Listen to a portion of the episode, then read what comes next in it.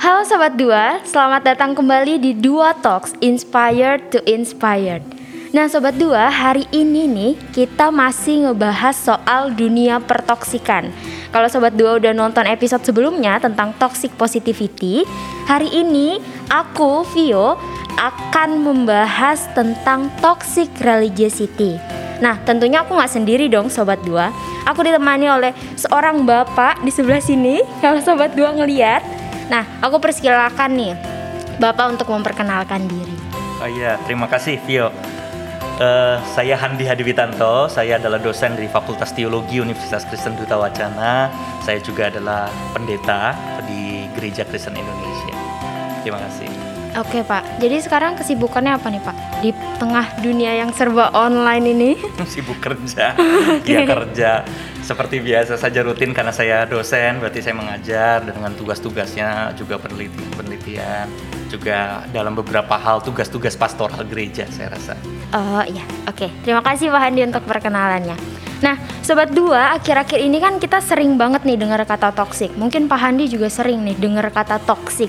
Mau toxic relationship, toxic friendship, dan banyak toxic-toxic lainnya. Nah, pada episode sebelumnya kita tuh udah bahas nih Pak soal toxic positivity. Nah, kayaknya nih ada nih sedikit keterkaitan dengan toxic religiosity. Tapi sebelum kita lebih lanjut nih sobat dua, pastinya kita perlu tahu dulu nih Pak, definisi dan arti dari toxic religiosity itu apa sih Pak? Oke, baik. Iya sebetulnya oh, saya pertama kali mendengar orang ngomong toxic toxic itu sebetulnya dari anak saya. Jadi anak saya ya seumuran Vio begitu ya, seumuran uh, teman-teman sobat dua juga di sini. Uh, apa namanya? saya mencoba untuk memahami bahwa toxic ini adalah bahasa atau istilah yang digunakan, kata yang digunakan untuk menunjukkan sesuatu yang tidak baik gitu ya, sesuatu yang bersifat negatif. Jadi kalau toksiknya terkait dengan relasi, berarti relasi itu berdampak pada sesuatu yang tidak tidak baik, sesuatu yang punya uh, suasana, punya kondisi yang negatif gitu ya untuk relasinya. Meskipun kelihatannya baik-baik dan itu yang menarik sebetulnya dari bagaimana anak-anak muda menggunakan kata toksik dalam rangka mencoba menunjukkan bahwa ada yang tidak beres. Kelihatannya baik, tetapi sebetulnya secara esensial tidak baik begitu. Secara esensial itu merusak yeah. entah misalnya karena posesif, entah itu misalnya karena sesuatu yang punya niat-niat uh, tidak benar di ujungnya, tapi uh, dikemas sedemikian rupa sehingga kelihatannya baik-baik saja. Nah, kalau sekarang ditanya kepada saya tentang toxic religiosity, ya ini berarti kita berbicaranya bukan soal dalam relasi, uh, entah itu relasi berpacaran atau relasi yang umum, tapi kita berbicara di dalam konteks kehidupan beragama. Nah, kalau sekarang uh, kita coba definisikan, ini barangkali ada banyak definisi ya. Menurut saya kita bisa bisa membuat definisi itu sebetulnya. Tapi berdasarkan pemahaman saya bahwa yang toksik itu punya impact yang tidak baik, punya esensi yang tidak benar, maka berarti toxic religiosity itu adalah meskipun kelihatannya bagus berbicara tentang agama, berbicara tentang iman, tetapi secara esensial ada sesuatu yang harus diperhatikan karena jangan-jangan berpotensi tidak baik atau hmm. berpotensi menjadi sesuatu yang negatif gitu ya. Dan negatifnya itu bisa sampai pada pada situasi yang sangat serius, misalnya negatif yang dalam arti uh, uh, melecehkan, merendahkan, atau bahkan uh, bersifat atau ber, uh, menunjukkan sikap yang um, bullying ya, apa namanya uh, istilahnya itu ya mengganggu orang gitu ya, yeah. me, me, me, merendahkan orang. Jadi jadi apa namanya uh, saya membayangkan bahwa toxic religiosity itu adalah soal di mana agama dihayati tetapi dengan cara yang tidak terlalu tepat gitu, dengan cara yang tidak terlalu baik tidak kritis. Kalau orang berpikir bahwa lo agama mestinya baik, kita selalu harus ingat bahwa agama tidak pernah berdiri sendiri gitu. Uh, agama itu selalu ada di dalam hubungan dengan bagaimana orang menginterpretasi agama. Bagaimana hmm. orang memahami agama itu, menjalankan agama itu. Jadi uh, kalau orang selalu bilang agama kan baik gitu ya, menurut saya selalu itu uh, cara berpikir yang agak melupakan bahwa di di dalam kondisi agama itu baik atau tidak sangat bergantung pada bagaimana orang-orang sendiri menginterpretasi agama. Oh. Saya rasa saya mencoba untuk memahaminya begitu ya. Sederhananya toxic religiosity adalah ketika orang menghayati agama tetapi dengan esensi-esensi yang tidak tepat, yang tidak uh, tidak baik gitu ya. Dan tidak baik itu mestinya memang ada ukuran-ukurannya begitu. Ya. Uh, kan Pak, jadi kan toxic religiosity ini kan berarti toxic yang masih berkaitan lah dengan agama. Kan di dunia anak muda nih khususnya ya Pak, kan banyak banget tuh toxic-toxic yang dibilang sama anak-anak muda Nah, kalau toxic religiosity ini udah tahu nih kita berkaitan dengan agama, sebenarnya indikatornya suatu agama atau penganut agama itu dikatakan toxic religiosity itu ada nggak sih, Pak? Nah ini yang mungkin nyambung ya dengan yang tadi saya katakan, uh, sobat dua juga bisa bisa melihat itu dengan baik ya. Uh, kalau kita bilang bahwa esensinya harus benar, esensinya uh, tidak negatif, berarti kita harus bicara indikator, harus bicara ukuran saya merasa bahwa ukuran untuk berbicara mengenai toxic religiosity ini juga bisa sangat luas sebenarnya ya. Tapi saya mencoba untuk uh, membuat beberapa atau menyampaikan beberapa pemikiran saja setidaknya yang jadi concern saya. Salah satunya adalah indikatornya ketika agama itu diinterpretasi dengan cara tertutup. Artinya ketika misalnya tafsir pada sebuah ajaran ajaran agama itu kan kita semua sama-sama sadari bahwa itu kan cara orang menginterpretasi agama. Mm. Gitu ya. Yeah. Agamanya, ajarannya itu kan datang dari sebuah proses dinamis. Sebuah proses mencoba untuk melihat teks, misalnya teks Alkitab atau teks kitab suci begitu ya, lalu kemudian ditafsirkan begitu. Nah, proses uh, untuk mencoba melakukan tafsir, interpretasi itulah yang saya tadi sebutkan bahwa ada hubungan bagaimana penganut agama dengan agamanya dan itu hmm. menjadi sesuatu yang harusnya dinamis. Yeah. Karena apa dinamis? Karena pengetahuan kita berkembang, karena uh, pengalaman orang di sekitar kita juga berubah-ubah. Jadi ada sesuatu yang harusnya bisa bisa membuat tafsir itu menjadi sesuatu yang dinamis, yang terbuka. Tafsir pada uh, eh, 200 tahun yang lalu tidak persis sama lagi ketika kita menafsirkan teks yang sama 200 tahun kemudian gitu loh. Ya, apa yang kita lihat di abad ke-21 pada saat ini dengan semua dengan semua perubahannya harusnya membuat kita bisa melihat ajaran-ajaran juga dengan cara dan pendekatan yang semakin baru, dinamis. Itu yang saya bayangkan. Nah, kalau ditanya oleh Vio, eh, apa sih yang akan membuat agama menjadi toksik? Salah satunya menurut saya adalah ketika kita tidak pernah mau melihat bahwa dinamika dan perubahan di sekitar kita itu adalah bagian dari kita harus menginterpretasi agama dengan cara yang lebih dinamis. Tertutup gitu yang bahasa saya tadi di awal. Tertutup, sempit, kaku. Jadi ngelihatnya selalu dengan cara yang sama. Dan itu akan membuat akhirnya macam-macam. Salah satunya ya misalnya contohnya salah satunya adalah ketika banyak orang yang mengaku beragama dan percaya Tuhan, tetapi di tengah-tengah pandemi seperti sekarang itu berpikirnya sangat fatalistis misalnya.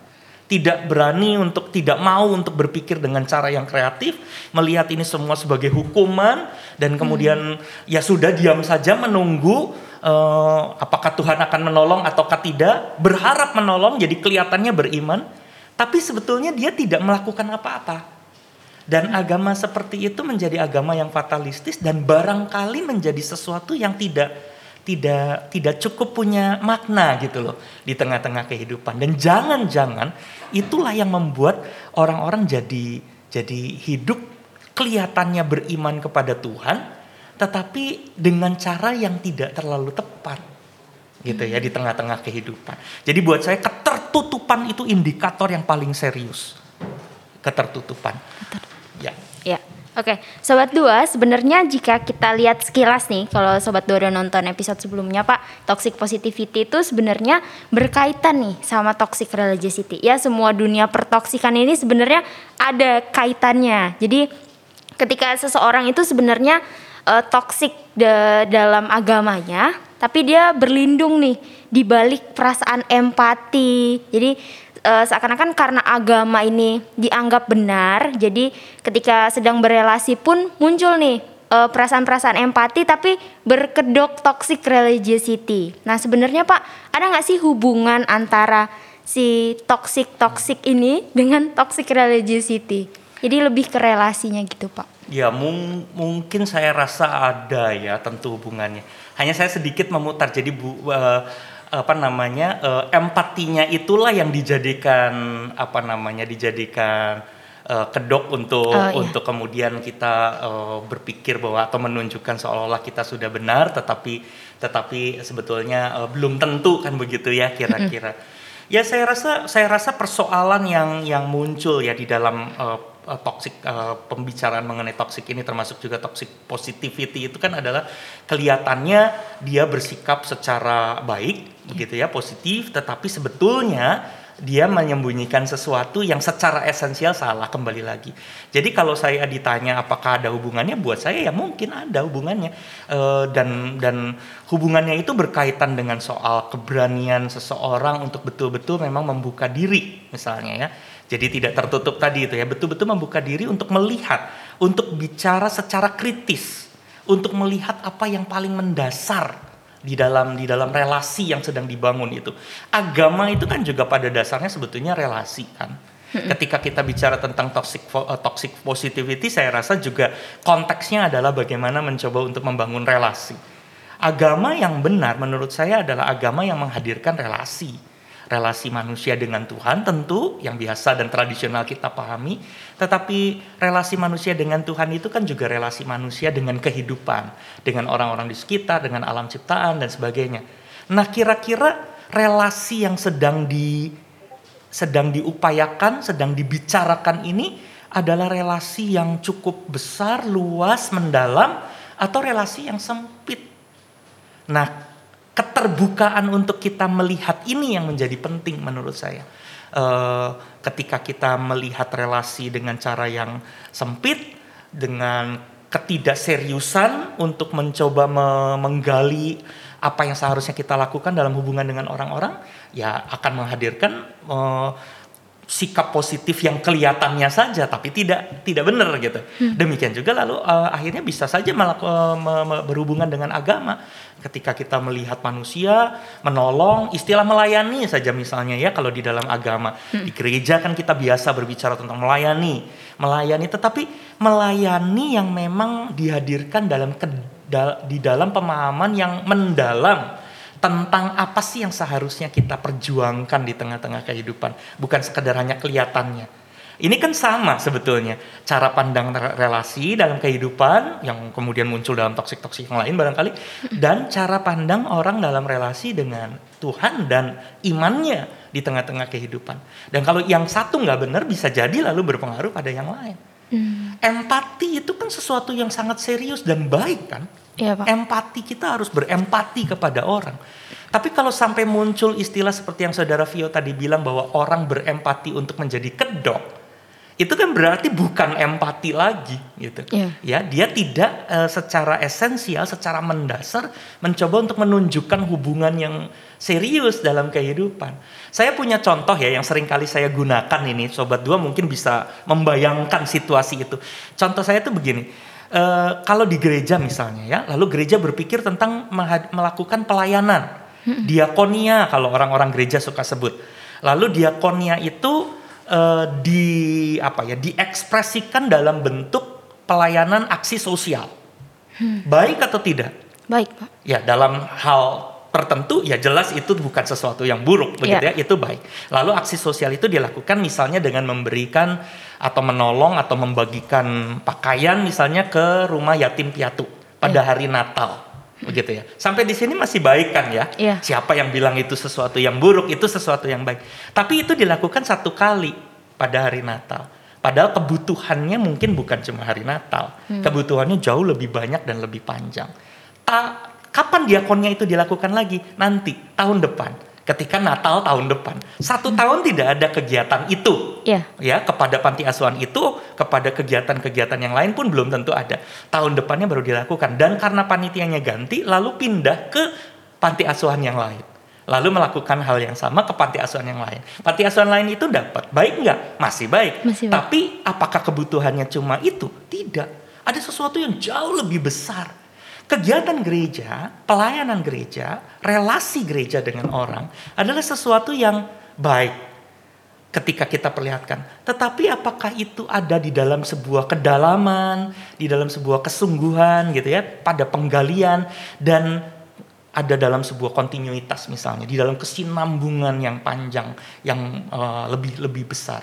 Nah ini yang sering kali muncul di dalam cara berpikir gereja dan uh, orang-orang beragama karena cara pandang tentang relasi itu uh, sebetulnya menyempit ke aktivitas, bukan relasinya hanya sekedar ada aktivitas, kelihatan aktivitas. Dan itu kalau ngasih sumbangan aja sih menurut saya masih oke okay, gitu ya. Yeah. Meskipun akhirnya tidak menjawab persoalan. Karena panti asuhan itu, ini contoh saja, panti asuhan itu membutuhkan sebuah kerja bersama dan gereja mestinya mungkin ikut bareng, tidak membiarkan mereka. Dan barangkali juga tidak sendirian, artinya gereja tidak bisa sendirian. Harus bersama-sama juga dengan orang-orang lain dalam sebuah jejaring untuk bisa mendukung. Mungkin kita perlu memilih satu tapi serius daripada kita melakukan sesuatu yang sangat banyak, tetapi hanya untuk jadi uh, pertunjukan gitu loh, tanda kutip yeah. ya. Saya yeah. sorry ini istilah saya. Pertunjukan itu dalam arti aktivisme jadi aktivitas-aktivitas saja yang dilakukan. Dan lalu orang berpikir saya sudah baik gitu. Nah saya rasa uh, ini kan gak esensial. Kalau pakai definisi yang pertama, ini tuh pelan-pelan bisa menjadi sesuatu yang akhirnya toksik karena menghadirkan sesuatu yang tidak esensial gitu. Meskipun masih kelihatannya baik gitu ya memberi. Nah, bagaimana ketika pemahaman-pemahamannya bahkan lebih parah dari itu gitu. Jadi misalnya kita hanya berpikir bahwa relasi dengan orang itu tidak penting, yang penting hanya relasi dengan Tuhan. Relasi hmm. dengan Tuhan itu hanya cukup di dalam aktivitas gereja, seolah-olah orang yang beraktivitas di luar gereja tidak tidak baik. Uh, istilah lama yang masih sering dipakai nih sampai sekarang saya tidak tahu ya sobat dua setuju atau tidak, tapi saya masih suka dengar duniawi rohani.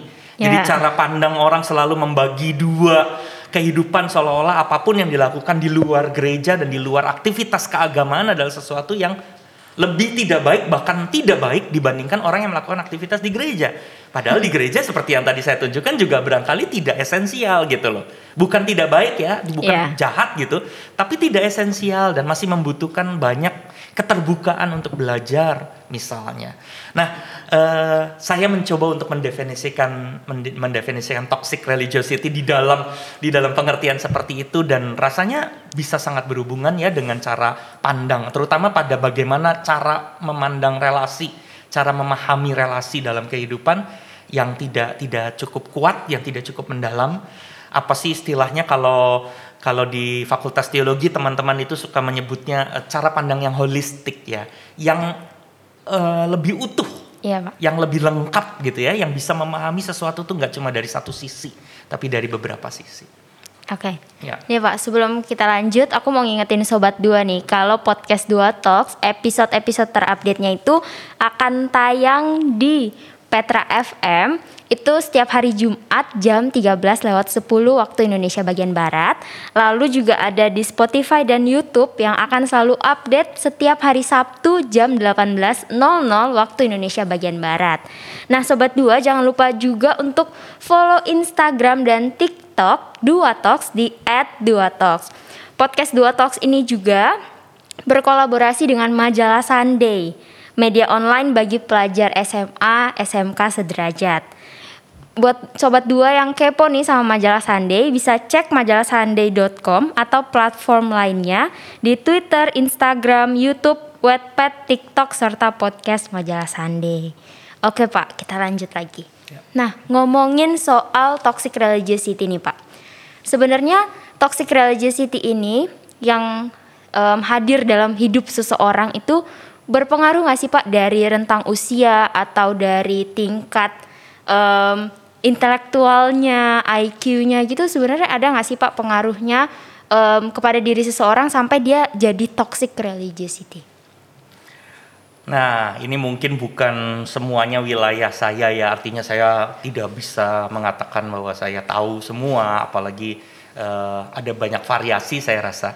Tapi sekarang gini ya, kita mungkin berpikir kalau orangnya um, makin pinter, hmm. harusnya dia tidak membiarkan toxic religiosity menguasai hidupnya atau dihidupi oleh dia. Begitu kan harusnya. Karena kita berpikir orang yang makin pintar, dia akan mencoba menjadi lebih kritis dan lebih dalam sehingga lalu oh, pemahaman tentang relasi, keterbukaan untuk berpikir itu menjadi lebih lebih luas juga. Jadi kita mungkin bisa berharap bahwa orang kalau makin pinter, makin belajar gitu ya, bukan soal IQ, IQ ini ya, tapi mau belajar, mau terbuka untuk lebih banyak belajar, harapannya dia bisa menjadi lebih terbuka juga sehingga tidak membiarkan diri terjebak di tengah-tengah toxic religiosity, di tengah-tengah uh, sikap yang salah tentang agama atau agama yang disalah mengerti sehingga kemudian menghadirkan pemikiran-pemikiran sempit. Tapi saya sendiri akan merasa perlu untuk mengatakan dalam kenyataannya belum tentu juga sih. Hmm. Karena kadang-kadang ya orang kelihatannya pinter, artinya orang itu bisa belajar macam-macam, tapi begitu udah ngomong agama, entah kenapa lalu dia memisahkan agama dari knowledge-nya, yeah. dari dari hidupnya. Jadi dia selalu mengatakan bahwa apa yang dia pelajari itu adalah sesuatu yang bersifat duniawi, meskipun dia tidak tinggalkan juga. Tapi kalau agama adalah sesuatu yang rohani dan yang rohani itu nggak dihubung-hubungkan dengan persoalan yang yang dia sebut sebagai duniawi tadi. Hmm. Nah kalau sampai terjadi seperti itu kan mau orang pinter pun juga bisa saja dia ternyata terjebak di toxic religiosity. Saya pernah hmm. punya pengalaman itu. Saya rasa saudara Vio mungkin pernah pernah dengar ya. Saya pernah cerita kalau saya tidak salah. Jadi saya pernah tahu seseorang. Saya tidak kenal pribadi. Saya pernah tahu seseorang. Dia punya gelar PhD, S3 dari luar negeri dalam bidang ilmu yang eksotis karena dia meneliti tentang luar angkasa dan dia bercerita bahwa dia secara ilmiah bisa bercerita berbagai teori tentang penciptaan, tentang terciptanya alam semesta. Berbagai teori, artinya teorinya kan nggak cuma satu. Dan hmm. dia tahu teori-teori itu, oh, dia memang mendalami itu. Tapi kemudian sesuatu yang mengejutkan ketika dia mengatakan, tapi sebagai seseorang yang beriman, saya percaya bahwa Tuhan menciptakan dunia ini adalah 6 kali 24 jam. Bayangkan uh, saya tidak mau mengatakan uh, sobat dua ada di mana posisinya dan harus di mana ya. Saya hanya ingin mencoba untuk menunjukkan bahwa dia memisahkan antara bagaimana dia memahami ilmu pengetahuan dengan bagaimana dia membaca Alkitab dan kita bisa lihat ya, membaca Alkitabnya sangat literal, sangat harafiah. Ya. Bahkan menggunakan istilah 6 kali 24 jam. Anak saya saja sejak SD sudah tahu bahwa ketika Alkitab ditulis di zaman itu konsep 24 jam itu belum ada, belum gitu ya. Jadi artinya bayangkan dia bisa mengatakan bahwa dia percaya bahwa Tuhan menciptakan 6 kali 24 jam. Orang dulu-dulu aja masih mulai bikin interpretasi ya satu tahunnya eh satu harinya Tuhan tuh kan mungkin seribu tahunnya yeah. manusia gitu ya. Pemahaman untuk mencoba eh ya oke ini ada yang nggak cocok nih soalnya kalau 6 kali 24 jam. Karena konsep 24 jam itu ber, berbeda sama sekali baru itu tapi kalau seorang uh, uh, dengan ilmu pengetahuan yang setinggi itu dia tanpa tanpa ragu mengatakan bahwa dia memisahkan, berarti kan hipotesis wah istilahnya bahwa kita mengatakan uh, orang kalau pintar harusnya tidak kena toxic religiosity ternyata juga bisa nggak berlaku. Iya. Berarti apa? Masalahnya adalah cara pandang dia tentang agama. Bagaimana agama dilihat bukan sebagai sesuatu yang terpisah dengan hidup. Yang terpisah dari pengetahuan.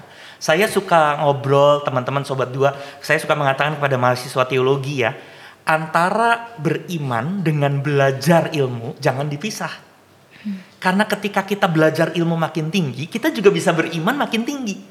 Tapi ketika kita sudah memisahkan seolah-olah kalau belajar tidak ada urusannya dengan iman dan kalau kita beriman tidak ada urusannya dengan belajar, itu yang bikin orang mau pinter kayak apa juga bisa kena toxic religiosity. Betul nggak? Iya. Jadi artinya ada ada sesuatu yang salah gitu loh dengan dengan cara pandangnya tentang tentang agama itu. Oke, saya lanjutkan ya Saudara Vio. Jadi uh, ya tadi gitu ya soal rentang uh, pendidikan ternyata juga bisa saja tidak langsung berkaitan karena cara pandangnya tentang tentang agama.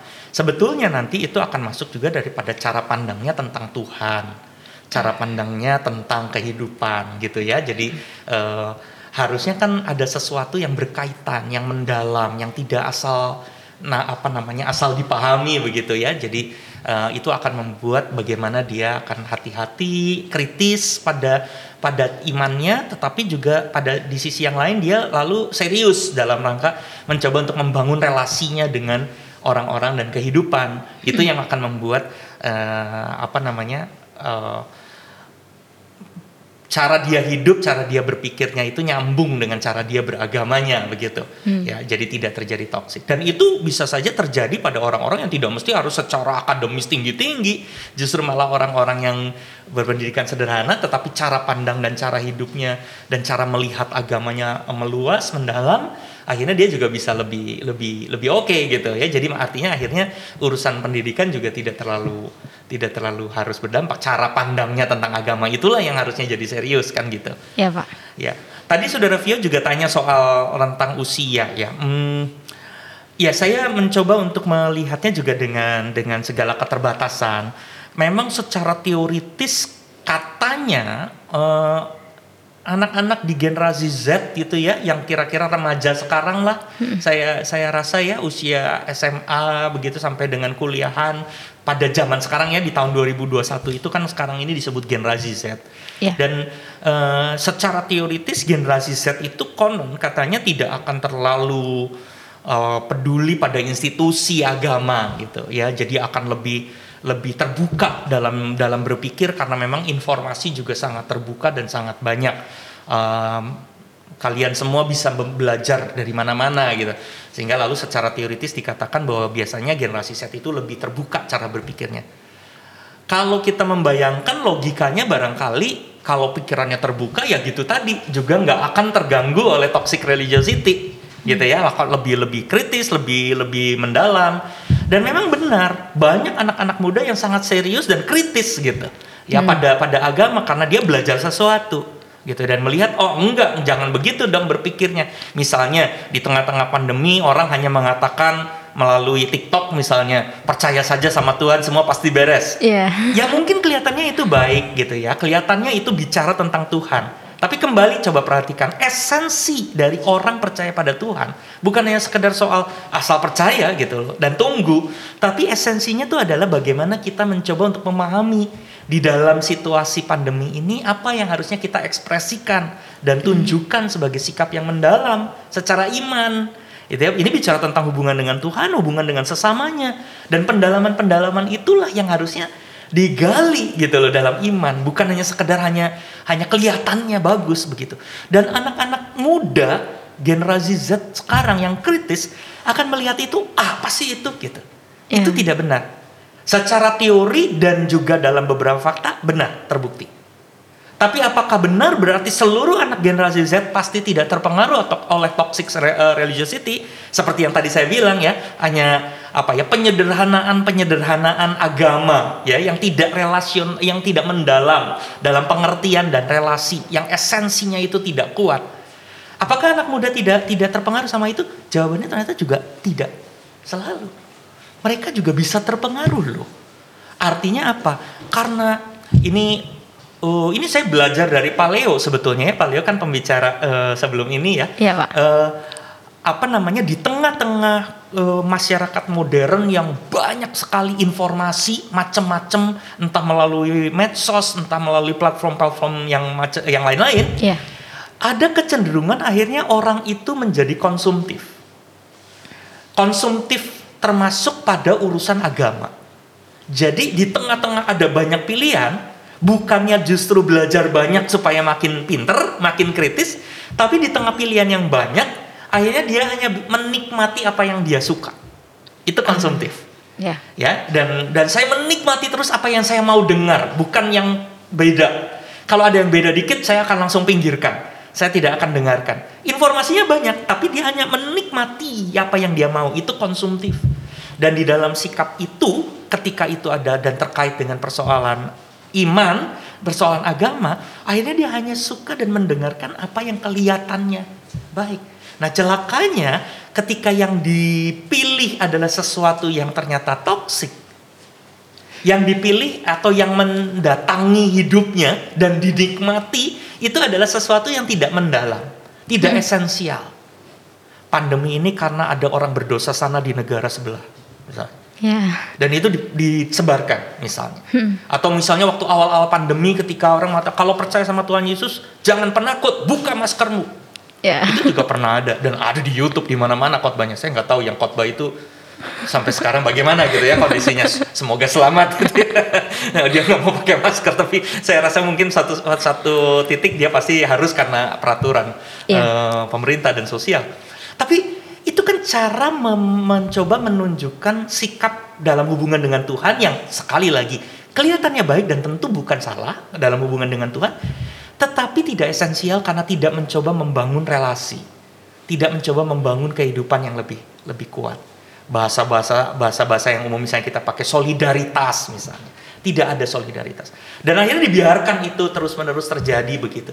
Dan anak muda yang terjebak di dalam informasi yang begitu masif melalui eh, digital platform, tapi yang disodori adalah adalah hal-hal yang tidak esensial dan tidak relasional, toksik kan jadinya. Nah, anak muda juga bisa kena. Dan ada banyak anak muda Gen Z yang harusnya jauh lebih terbuka berpikirnya, justru malah menjadi sangat sempit berpikirnya.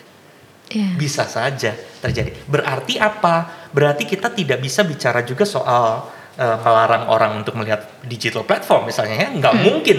Satu-satunya jalan adalah kembali lagi ke ke bagaimana kita harus bisa menjadi pribadi yang tidak konsumtif, pribadi yang terbuka untuk belajar, jangan takut pada yang beda, mau mendengarkan perbedaan tapi juga bijaksana untuk kemudian berdialog, gitu ya. Jadi ada ke ada kemampuan individu yang harus kuat. Pada masa sekarang menurut saya individu itu harus kuat, harus harus menjadi individu yang sehat. Karena begitu dia nggak sehat, dia hanya akan di drive oleh orang, oleh platform, oleh digital platform, oleh apa pun yang yang bicara kepada kita. Lalu kita mulai menikmati dan akhirnya kita nggak belajar apa-apa. Kita harus menjadi individu yang kuat. Katanya kan di dunia teknologi begitu sekarang ini. Apakah kita akan menjadi orang yang dikuasai teknologi? Atau teknologi maju ini akan membuat kita menjadi manusia yang lebih baik karena teknologi. Ya. Dan itu pilihan menurut saya. Oke. Ya. Oke Pak Handi, Em, sepertinya ini udah mencakup keseluruhan dari toxic religiosity, tapi memang mungkin kita bisa cari tahu lebih dalam lagi terkait dengan toxic religiosity. Oke, terima kasih Pak Handi sudah Ya. menjadi narasumber di podcast kali ini. Sobat Dua juga terima kasih sudah mendengarkan episode terbaru Dua Talks. Eh, sampai jumpa di episode selanjutnya di hari dan jam yang sama. Dadah.